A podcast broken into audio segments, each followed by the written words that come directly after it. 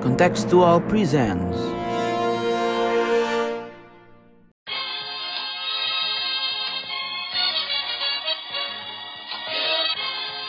sondern wir schaffen uns unseren Staat. Mr. Gorbachev, open this gate. Together, we will make America great again. Sudah cukup bagi kita untuk mengatakan bahwa winter is coming. Selamat datang di podcast Bebas Aktif. Yo. yo yo yo yo. Hari ini kita balik lagi di podcast eh, Bebas Aktif edisi terbaru dan kita hari ini rekaman langsung di Deep Space ya Mas Afan ya. Iya, sudah lama banget nih. Sudah lama banget, tapi tenang dengan protokol kesehatan pastinya. Eh, social distancing, social, distancing. Belum nih. iya iya iya. Eh, nah hari ini kita mau ngomongin soal yang lagi rame banget di media massa ya, Eh, di media sosial, media massa bahkan di kalau di Bangladesh sampai turun ke jalan ya, eh, soal pemboikotan barang-barang dari Prancis. Di episode sebelumnya kita udah ngomongin soal eh situasi di Prancis terbaru, eh, sekularisme, terorisme dan segala bentuk eh, hal-hal yang berkaitan dengan isu-isu sekularisme lah di Prancis. Nah di episode kali ini kita bakal ngomongin soal proses pemboikotannya nih dan mungkin eh juga akan berhubungan dengan aspek-aspek seperti kebebasan berekspresi. Apa ini bukti dari em, prediksi tentang Clash of Civilizations dari Samuel Huntington. Nah, jangan ke mana-mana, tetap di podcast Bebas Aktif. Mr. Gorbachev, open this gate. Together, we will make America great again. Oke, sebelum kita masuk ke segmen pertama, gue mau promosi dulu. Pertama-tama jangan lupa buat follow Instagram dan Twitter kontekstual di @kontekstualcom. Jangan lupa juga untuk subscribe YouTube kita di kontekstual dan juga baca-baca website di www.kontekstual.com. Terus juga jangan lupa cek eh, merchandise kita di Tokopedia, cari aja tokonya namanya kontekstual. Oke, kita langsung masuk. Ten, ten, ten, gitu. pesan sponsor itu ya. Kita langsung masuk ke eh, pembahasan kali ini ya. Mungkin gue mau nanya Majid, Jid. Apa sih Jid? Eh, kenapa ada boykot boykot sih Jid? Oke, jadi ini adalah kelanjutan dari yang kita omongin eh, pekan yang sebelumnya mengenai kasusnya Samuel Paty yang mengalami pembunuhan secara sadis di eh, pinggiran kota kota Paris di Perancis. Nah, menyusul dengan eh, kasus Samuel Paty ini kemudian muncul juga berbagai eh, masalah yang ada di Prancis. Apa itu masalahnya? Komentar dari Presiden Prancis eh, Macron ya, dia mengatakan bahwa Idolanya Abid. tapi lagi nggak ada Abid nih sekarang. Eh, idola eh, idolanya lagi. Eh, Presiden Macron ini dia mengeluarkan pernyataan bahwa katanya Islam ini adalah agama yang saat ini sedang mengalami krisis di seluruh dunia. Nah, selain itu juga dia juga menyebut bahwa kelompok Islam ini adalah kelompok yang separatis dari Prancis itu sendiri. Separatisnya dalam bentuk apa? Dengar di podcast sebelumnya. Nah, eh Pernyataan Macron ini kemudian menimbulkan reaksi keras dari berbagai tokoh internasional. Presiden Turki Erdogan juga presi, eh, Perdana Menteri Pakistan itu langsung eh, meningkatkan eh, ketegangan hubungannya karena memberikan kecaman yang keras terhadap eh, pernyataan eh, Macron ini sekaligus juga eh, kartun yang ada di Charlie Hebdo Charlie Hebdo itu. Pun di negara-negara Arab dan negara-negara mayoritas Muslim dunia lainnya seperti Indonesia contohnya dan Malaysia juga mengeluarkan pernyataan yang cukup keras sebagai bentuk eh, bahwa eh, yang dilakukan oleh Charlie Hebdo itu bukan termasuk kebebasan berpendapat. Nah, itu yang menjadi latar belakang eh, kenapa sekarang ini sedang ada boykot-boykotan. Ketika ada ketegangan itu muncul, maka eh, langkah yang sudah diambil oleh para pemimpin ini sekaligus eh, masyarakat muslim di seluruh dunia itu adalah melakukan boykot terhadap produk-produk yang diproduksi di Prancis. Nah, kira-kira bagaimana nih eh, menurut Mas Sofan tentang eh, boykot-boykot ini? Apakah eh, efektif atau tidak nih kira-kira? Ya, gue mulai dulu dari kasusnya kali ya. Eh, sekali lagi eh, kita juga menyatakan eh, duka cita kita dan bela sungkawa ya atas peristiwa yang em, dialami kita semua di seluruh dunia akhir-akhir ini termasuk di Prancis ya dengan pembunuhan eh, Pati eh, tapi juga kemudian reaksi yang muncul setelah itu ya seperti penusukan dua orang perempuan eh, keturunan Arab di eh, dekat Menara Eiffel. Dan kemudian berlanjut lagi baru beberapa saat yang lalu ada pembunuhan di gereja di eh, kota Nice ya. Bacanya gimana sih? Nice. Nice ya Nice. Ya, ya, di kota Nice. Gitu. Eh, yang eh, kemudian memunculkan eskalasi yang eh, ya semakin eh, mengkhawatirkan. Nah, eh, menurut gue ini menunjukkan ada alih-alih Clash of Civilization. Ini retorikanya barangkali Clash of Civilization, tapi alih-alih Clash of Civilization menurut gue sih ini eh, adalah apa istilahnya? Eh, kesalahpahaman ontologis gitu. Jadi ada ada cara memandang realitas, cara memandang yang penting dan yang tidak penting di dalam uh, pengalaman uh, seseorang atau sebuah komunitas yang berbeda karena mereka berangkat dari uh, cara pandang yang berbeda gitu ya. Jadi misalnya ada yang kemudian melihat kasus ini uh, secara hitam putih sebagai wujud dari pertarungan antara gagasan kebebasan berpendapat, ya, hak untuk kebebasan berpendapat, dengan melawan tekanan dari Islamofasisme atau tekanan dari gagasan-gagasan eh, yang anti kepada kebebasan.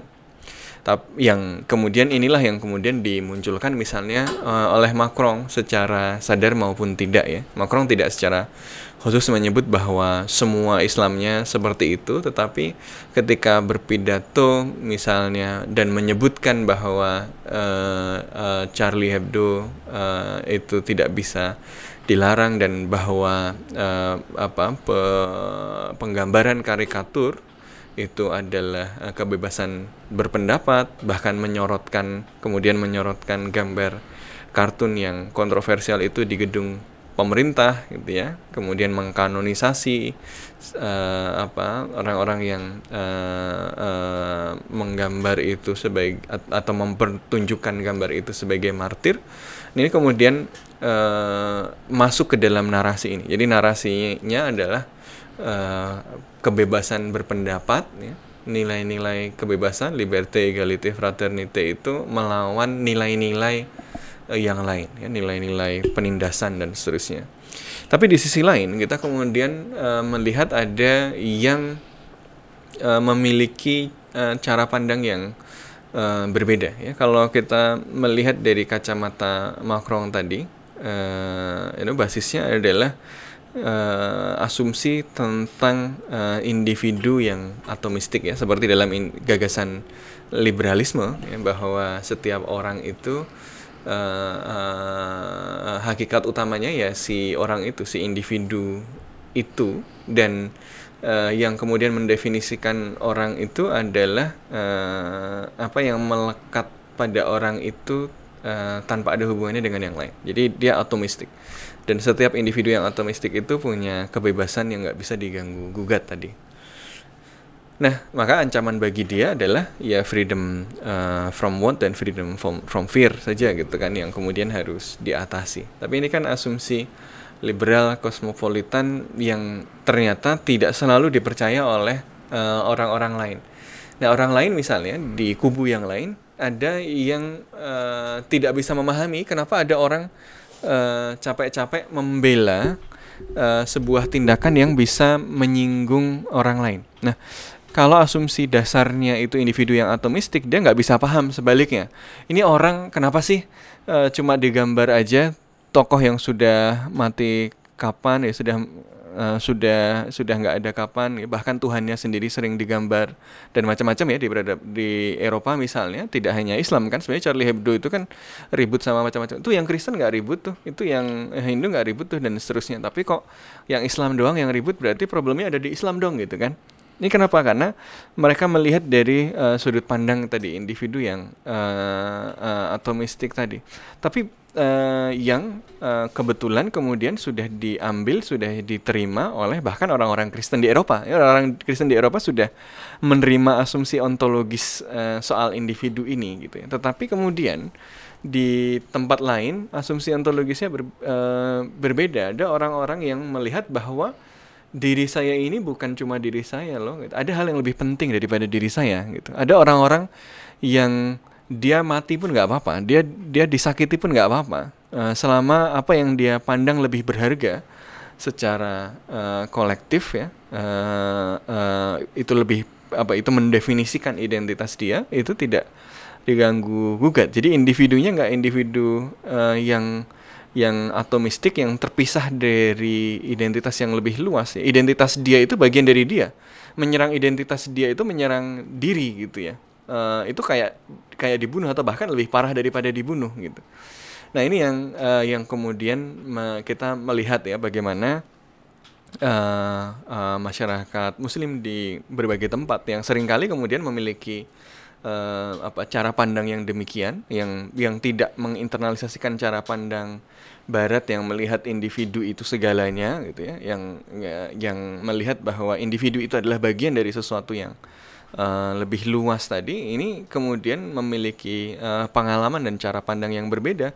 Nggak apa-apa saya dipukulin nggak apa-apa saya dibunuh nggak apa-apa saya di ini. Tapi kalau nabi saya dihina ya saya siap mati dan seterusnya gitu ya. Nah ini uh, apa uh, cara pandang yang yang sama sekali berbeda. Yang sayangnya kemudian uh, tidak coba dijembatani gitu ya oleh oleh uh, Macron ya. Alih-alih menjembatani dan mencoba saling mengerti uh, apa uh, cara pandang ini uh, Macron uh, malah kemudian memaksakan uh, asumsi ontologis individu yang yang atomistik tadi dan tadi yang dibandingkan adalah ya negara ag, ag, apa neg, agama lain di digituin nggak apa-apa kok kalian marah masalahnya ada di kalian dong gitu. Uh, misalnya nih banyak yang kemudian berargumen seperti itu. Nah bagi Eropa yang masalah bukan itu. Orang beragama di Eropa memang sudah post religious gitu ya memang mereka mungkin sudah nggak terlalu peduli sama uh, agamanya ini pengalaman yang berbeda dari orang-orang di dunia Islam misalnya. Tapi Eropa punya pengalaman historis sendiri yang juga punya kesakralan sendiri. Misalnya begini, ada nggak orang uh, di Paris gitu kemudian di tengah jalan uh, apa uh, bikin simbol uh, Hitler ya kemudian uh, menafikan Holocaust ya bermasalah dia kan dianggap sebagai dianggap sebagai yeah. pelanggaran hukum juga mm -hmm. gitu ya bahkan dalam banyak kasus mengkritik Israel itu dianggap sebagai antisemit ya dianggap sebagai yeah. uh, sesuatu yang yang melanggar hukum juga gitu loh mm. lah uh, kenapa uh, yang satu dianggap bermasalah, yang satu tidak dianggap bermasalah? Karena ada pengalaman khusus sendiri. Bukan berarti kemudian kalau begitu kita boleh dong harusnya antisemit. Bukan. Poin saya justru adalah Eropa punya pengalaman khusus yang mem yang membuatnya sangat sensitif kepada hal seperti itu sebagaimana seharusnya Eropa bisa memahami, seharusnya Prancis memahami bahwa ada pengalaman khusus dari manusia lain, dari peradaban lain yang punya sensitivitas yang lain juga gitu loh.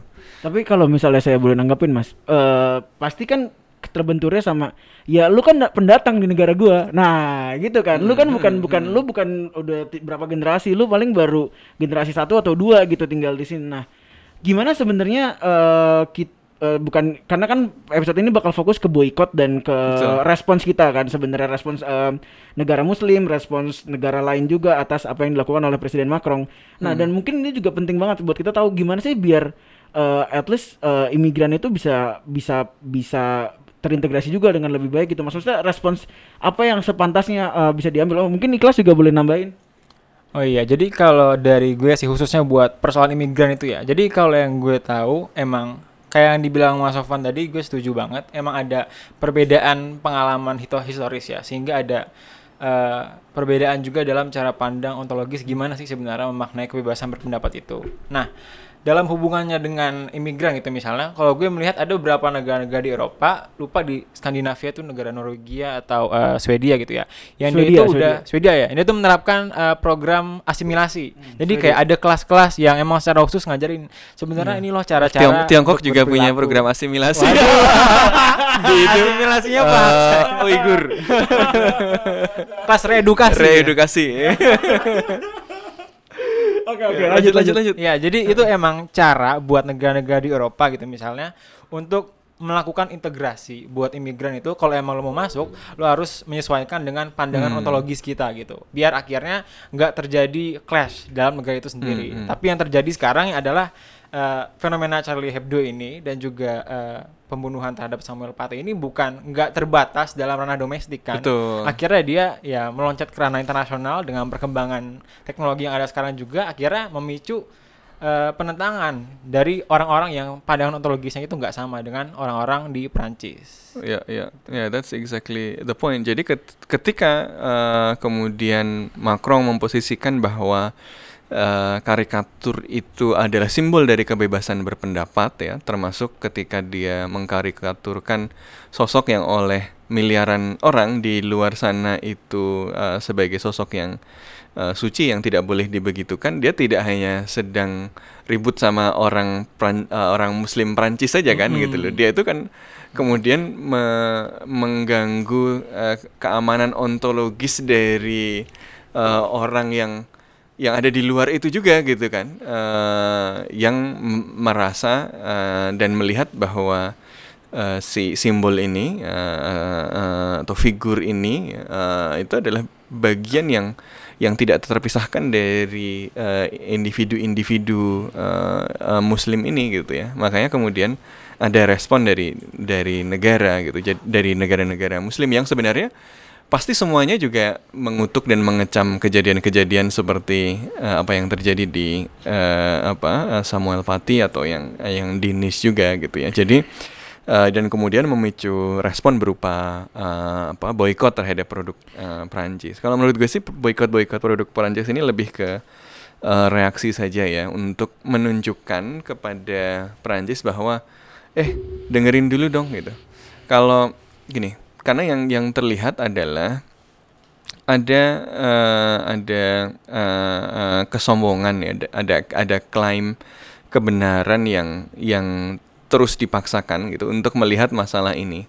Tapi klaim kesombongan ini membuat ada membuat dia tidak mendengarkan eh, realitas dan fakta lain. Termasuk misalnya ka- kalau kita melihat ini misalnya sekedar sebagai gambar hitam putih antara eh, kebebasan ala Eropa, kebebasan Eropa melawan Islamofasisme, maka kemudian eh, pem- apa, uh, percobaan pembunuhan atau penusukan dua perempuan Arab di tep- di dekat eh, Eiffel ini insignifikan dan ini yang kemudian nggak makanya dia nggak muncul di berita kan karena dia tidak sesuai dengan narasi itu karena dia eh ya hal lain ya memang Islamofasis harus diusir gitu kan kalau dalam dalam narasi ini karena mereka dari luar gitu. Sementara sebenarnya tadi soal siapa tuan rumah dan siapa yang di situ ini kan sebenarnya juga bukan hal yang mudah dikatakan Prancis itu sudah menjajah Aljazair dari tahun 1830-an dan sejak saat itu banyak orang Aljazair juga sudah di situ bukan orang Aljazair yang mau ke situ loh Prancis yang menjajah Aljazair dan kemudian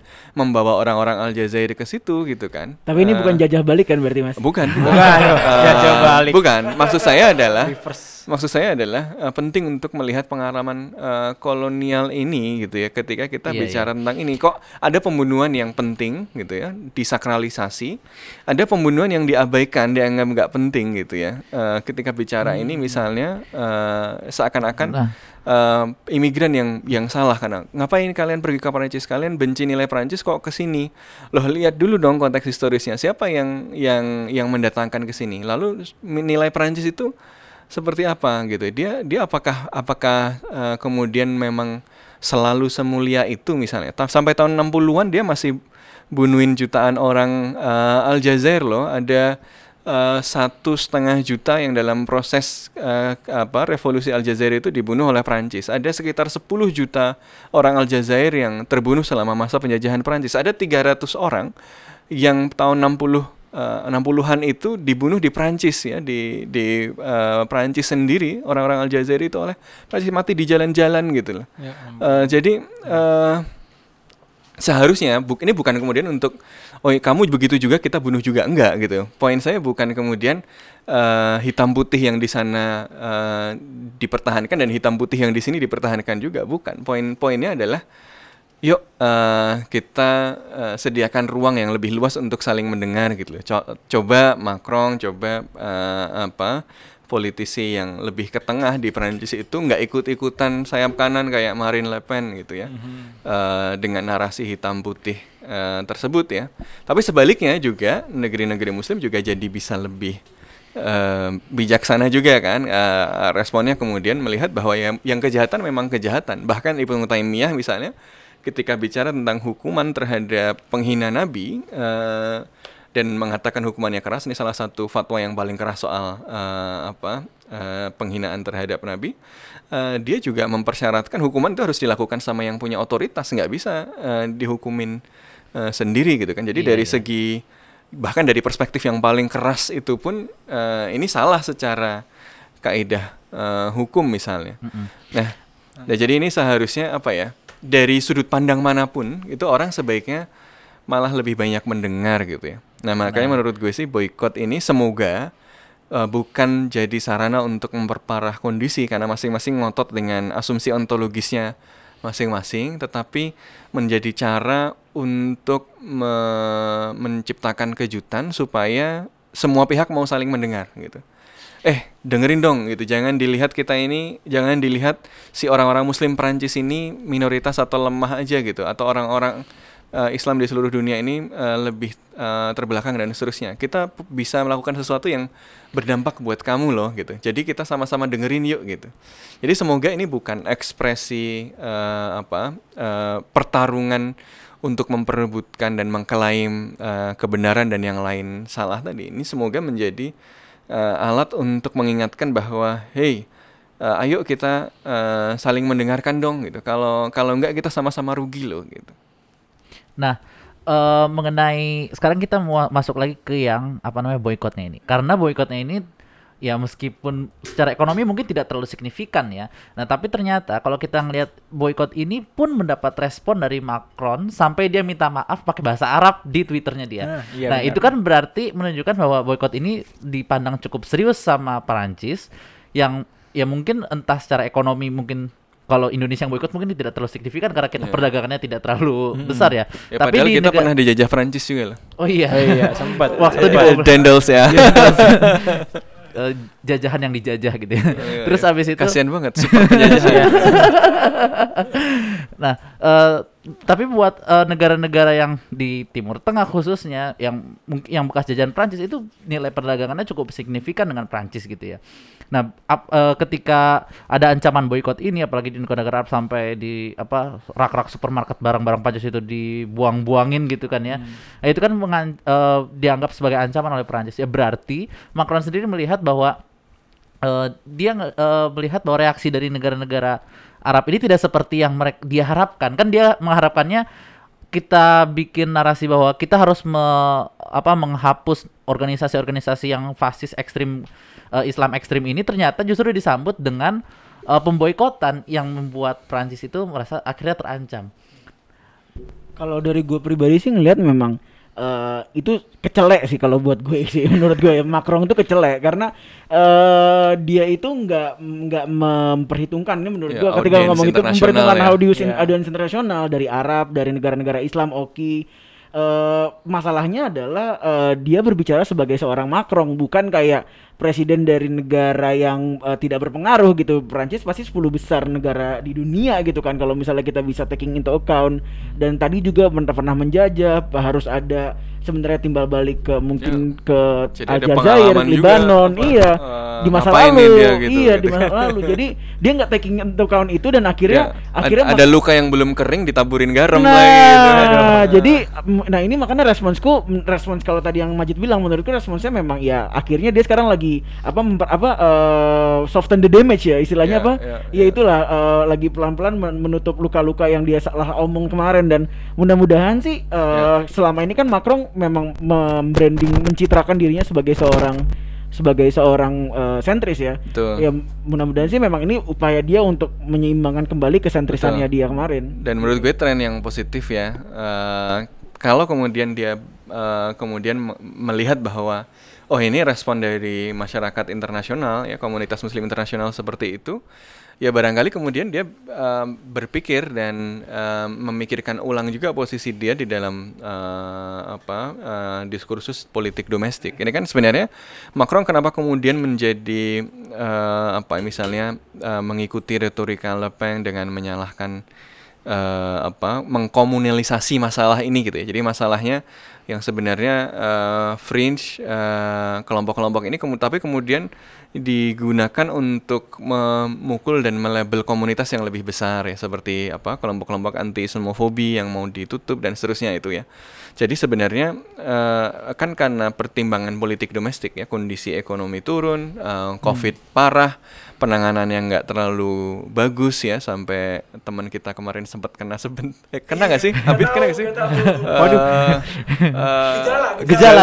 gitu ya eh, dan macam-macam gitu ya. Kan popularitasnya turun gitu. Eh, sehingga ya eh, dia merasa perlu memobilisasi dukungan dengan agak-agak eh, ke sayap kanan dan ini kan mengkhawatirkan. Nah, semoga ini apa eh, respon internasional yang eh, seperti ini dari negeri-negeri apa dunia dun- eh, dunia Islam misalnya ini eh, bisa knock some sense gitu ya. Macron itu ya memang bagusnya di tengah gitu loh. Eh, agak-agak apa jangan kemudian terjebak pada retorika hitam putih sayap kanan tadi gitu. Uh, tapi lebih tadi membangun dialog, uh, mencoba memahami asumsi ontologis orang lain gitu.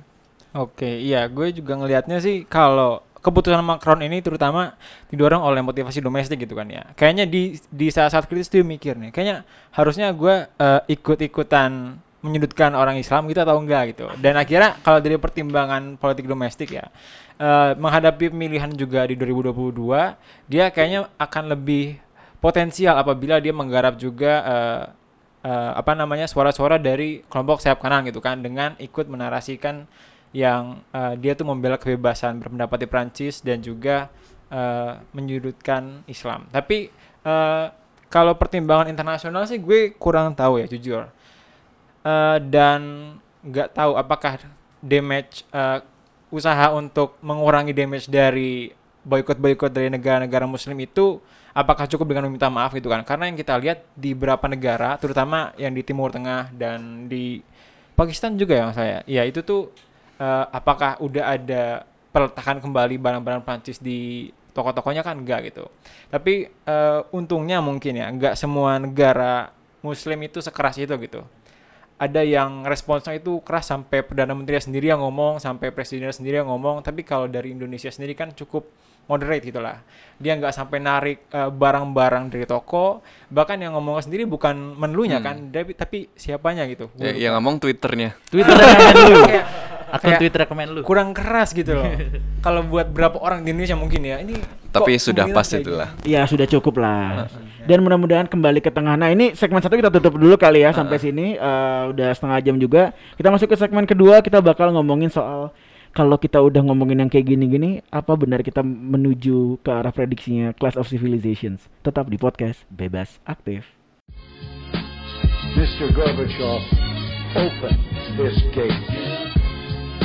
Together, we will make America great again. Oke, kita masuk ke segmen kedua. Tadi gua udah ngasih sneak peek bahwa kita bakal ngomongin apakah ini eh, gejala baru. Eh, bukan gejala baru, gejala lain dari eh, fenomena Class of Civilizations yang eh, diprediksi dalam tulisannya Samuel Huntington. Mungkin gue mau mulai dari Majid dan eh, Ikhlas dulu ya. Tapi Majid dulu ya. Menurut lo gimana nih, Jid? eh, tadi soal Class of Civilization ini? Ya sebenarnya kalau melihat tesisnya eh, Clash of Civil Clash of Civilization-nya Huntington, ini mungkin bisa terlihat sebagai indikator-indikator menuju ke situ. Tapi kalau justru saya melihat ini lebih kepada eh, pertentangan dua kutub yang semakin lama semakin menjauh nih dua kutub ini dan yang di tengahnya itu eh, semakin berkurang orang-orang yang ada di tengahnya karena ya mungkin tadi secara politik praktis ya lebih enak untuk punya posisi antara di kiri atau ya di kanan antara yang pro A atau yang pro B. Nah, jadi ketika ada satu kejadian ini eh, muncul, dia menarik orang yang di sebelah kanan semakin ke kanan, yang di sebelah kiri semakin ke kiri. Orang yang eh apa namanya yang world view-nya ya tadi apa sudah dibilang ya. Jadi yang world view-nya benar-benar eh, membela world view-nya Prancis yang eh, sekuler yang eh, tidak apa namanya eh, lebih menekankan pada individu yang liberal itu itu semakin menarik eh, jauh ke sisinya kutubnya dia dan juga orang-orang yang berada di eh, kawasan dunia Islam yang melihat Islam itu sebagai agama yang profan, agama yang harus dibela, nabinya merupakan sosok yang suci yang tidak boleh di apa tidak boleh digambar bahkan digambar secara normal sih tidak boleh apalagi digambar secara penghinaan gitu ya. Itu tidak boleh. Akhirnya pun semakin eh, menarik ke kutubnya dia sendiri. Akhirnya ya pertentangan dua kutub ini semakin semakin membesar. Apakah clash of civilization? Itu perlu dilihat dulu karena kalau dilihat eh, tesisnya Macron eh tesisnya Macron te- tesisnya Huntington itu eh, Clash of Civilization kan memang eh, paling potensial itu antara eh, civilizationnya Western dengan eh, civilizationnya Islam. Tapi eh, Islamic civilization ini pun kan tersebar di banyak tempat ya nggak hanya Timur Tengah. Bahkan Asia Tenggara pun itu eh, men- eh, mem- apa namanya dalam kasus ini itu memposisikan diri sebagai eh, apa namanya membela yang apa namanya eh, mengkritik kebebasan pendapat ala Prancis itu tapi dengan cara-cara yang eh, lebih soft daripada eh, yang ada di Timur Tengah. Tapi itu kan berarti menunjukkan bahwa yang namanya eh, clash of civilization itu tidak sesederhana itu begitu loh. Jadi ada hal-hal yang eh, bahwa secara geografis eh, apa namanya pun secara pemikiran dan yang lebih akarnya lagi adalah bukan di civilizationnya tapi adalah di eh, world view-nya, cara pandangnya dia gitu. Nah mungkin kalau dari ikhlas mungkin gimana kelas? Eh, kalau gue terkait tesisnya Clash of Civilization Huntington ya, gue pengen meng-highlight tadi sih yang dari Majid juga bahwa civilization di dunia itu juga nggak terbagi sesederhana itu gitu. Dan kalau gue lihat sendiri dari pembagian Huntington itu ada banyak banget civilization ada Western, ada Orthodox, Islamic, Buddhist dan lain-lain kan. Jadi kalau eh, menyederhanakan dunia itu semuanya akan clash di antara dua itu kayaknya agak kurang masuk akal gitu kalau gue. Dan apa ya? eh, bagaimana eh, kultural hal-hal kultural ini bisa menjadi drive untuk ada clash apalagi yang besar gitu ya. Kalau ini kan baru sampai taraf boycott kita lihatnya. Itu agak gimana? Kalau gue juga kurang make sense karena bisa dilihat juga kalau dari eh, ada power baik pun ekonomi ataupun militer gitu tetap berpengaruh gitu nggak cuman karena perbedaan kultural yang kemudian semakin intensif bisa kemudian pecah clash antara dua civilizations ini Kalau Mas Sofan?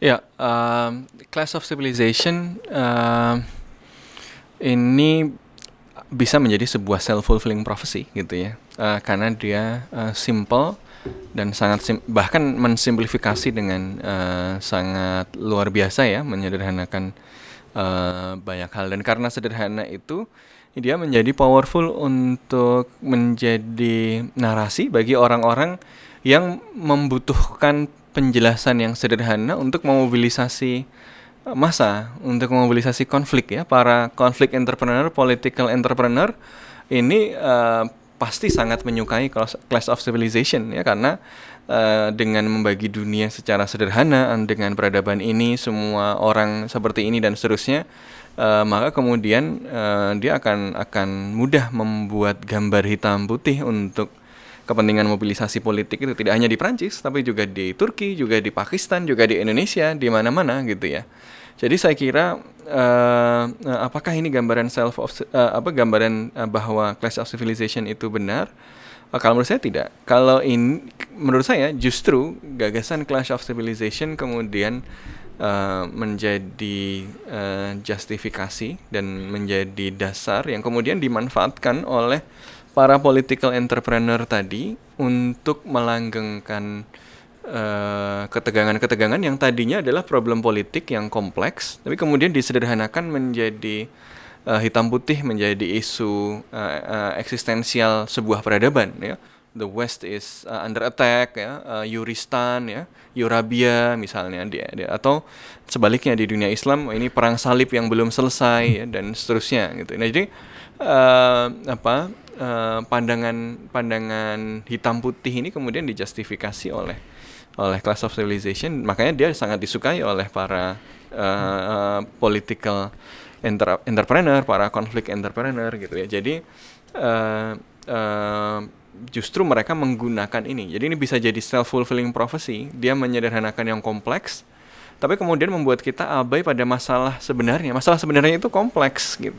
Uh, ada per persoalan uh, ketimpangan di Eropa, di Prancis, di Banlieu, ada problem uh, apa pengalaman kolonial, ada problem globalisasi dan seterusnya yang seharusnya uh, kalau mau menjawab itu justru melihatnya harus semakin komprehensif, mendengarkan sebanyak mungkin orang sehingga ada solusi yang uh, beradab ya, yang baik untuk semua orang, hmm. yang yang titiknya bisa disepakati oleh semua orang. Tapi kita justru menjauh dari solusi itu karena kemudian lebih gampang untuk menjelaskannya dengan class of civilization dengan mengazerkan yang lain, meliankan yang lain, ya solusinya gampang. Kenapa kita uh, kondisinya begini? Oh, gara-gara imigran, hajar aja imigran itu, usir aja imigran itu, gitu kan.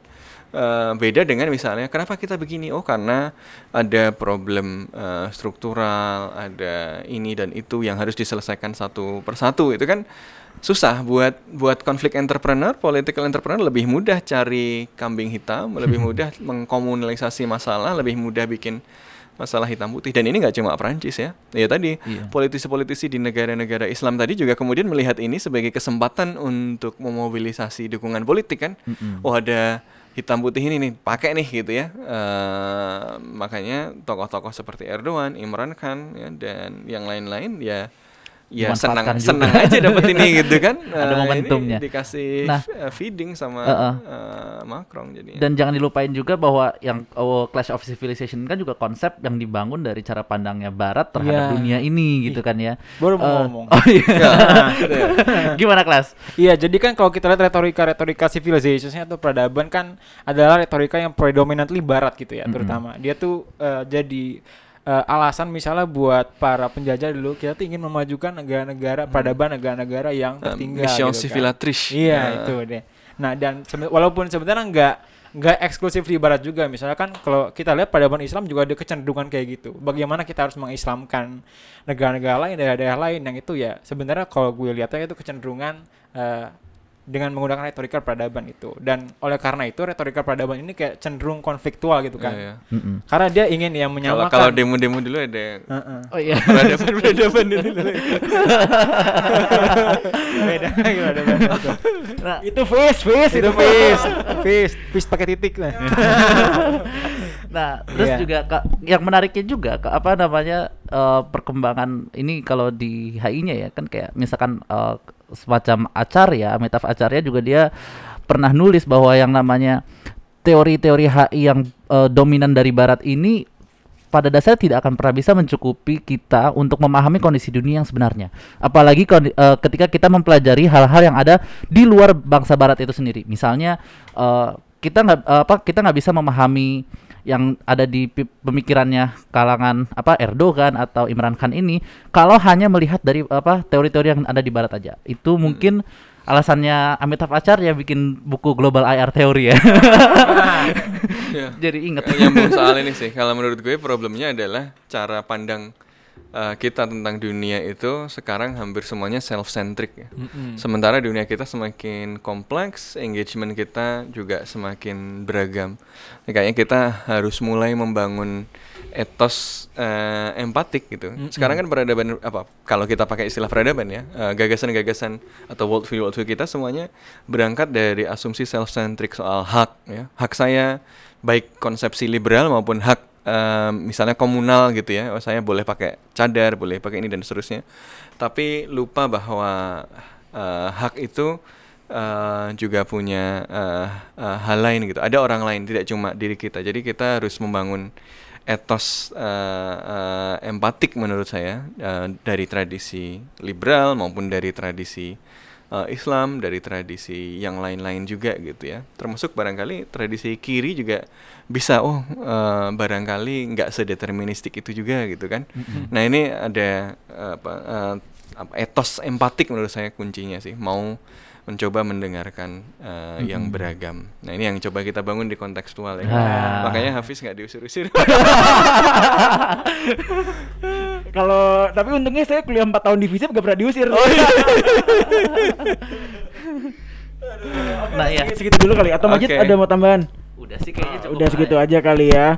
Eh terima kasih buat teman-teman yang sudah dengerin podcast ini. Jangan lupa kalau misalnya memang kalian marah, sebel atau apa, ya itu hak individu kalian untuk memboikot atau mau apa. Tapi yang pasti eh kita berharap sih violence digunakan seminim-minimnya kalau bisa jangan sampai ada violence. Gitu aja. Sampai jumpa di eh, episode-episode selanjutnya. Yuk, Dadah. dadah.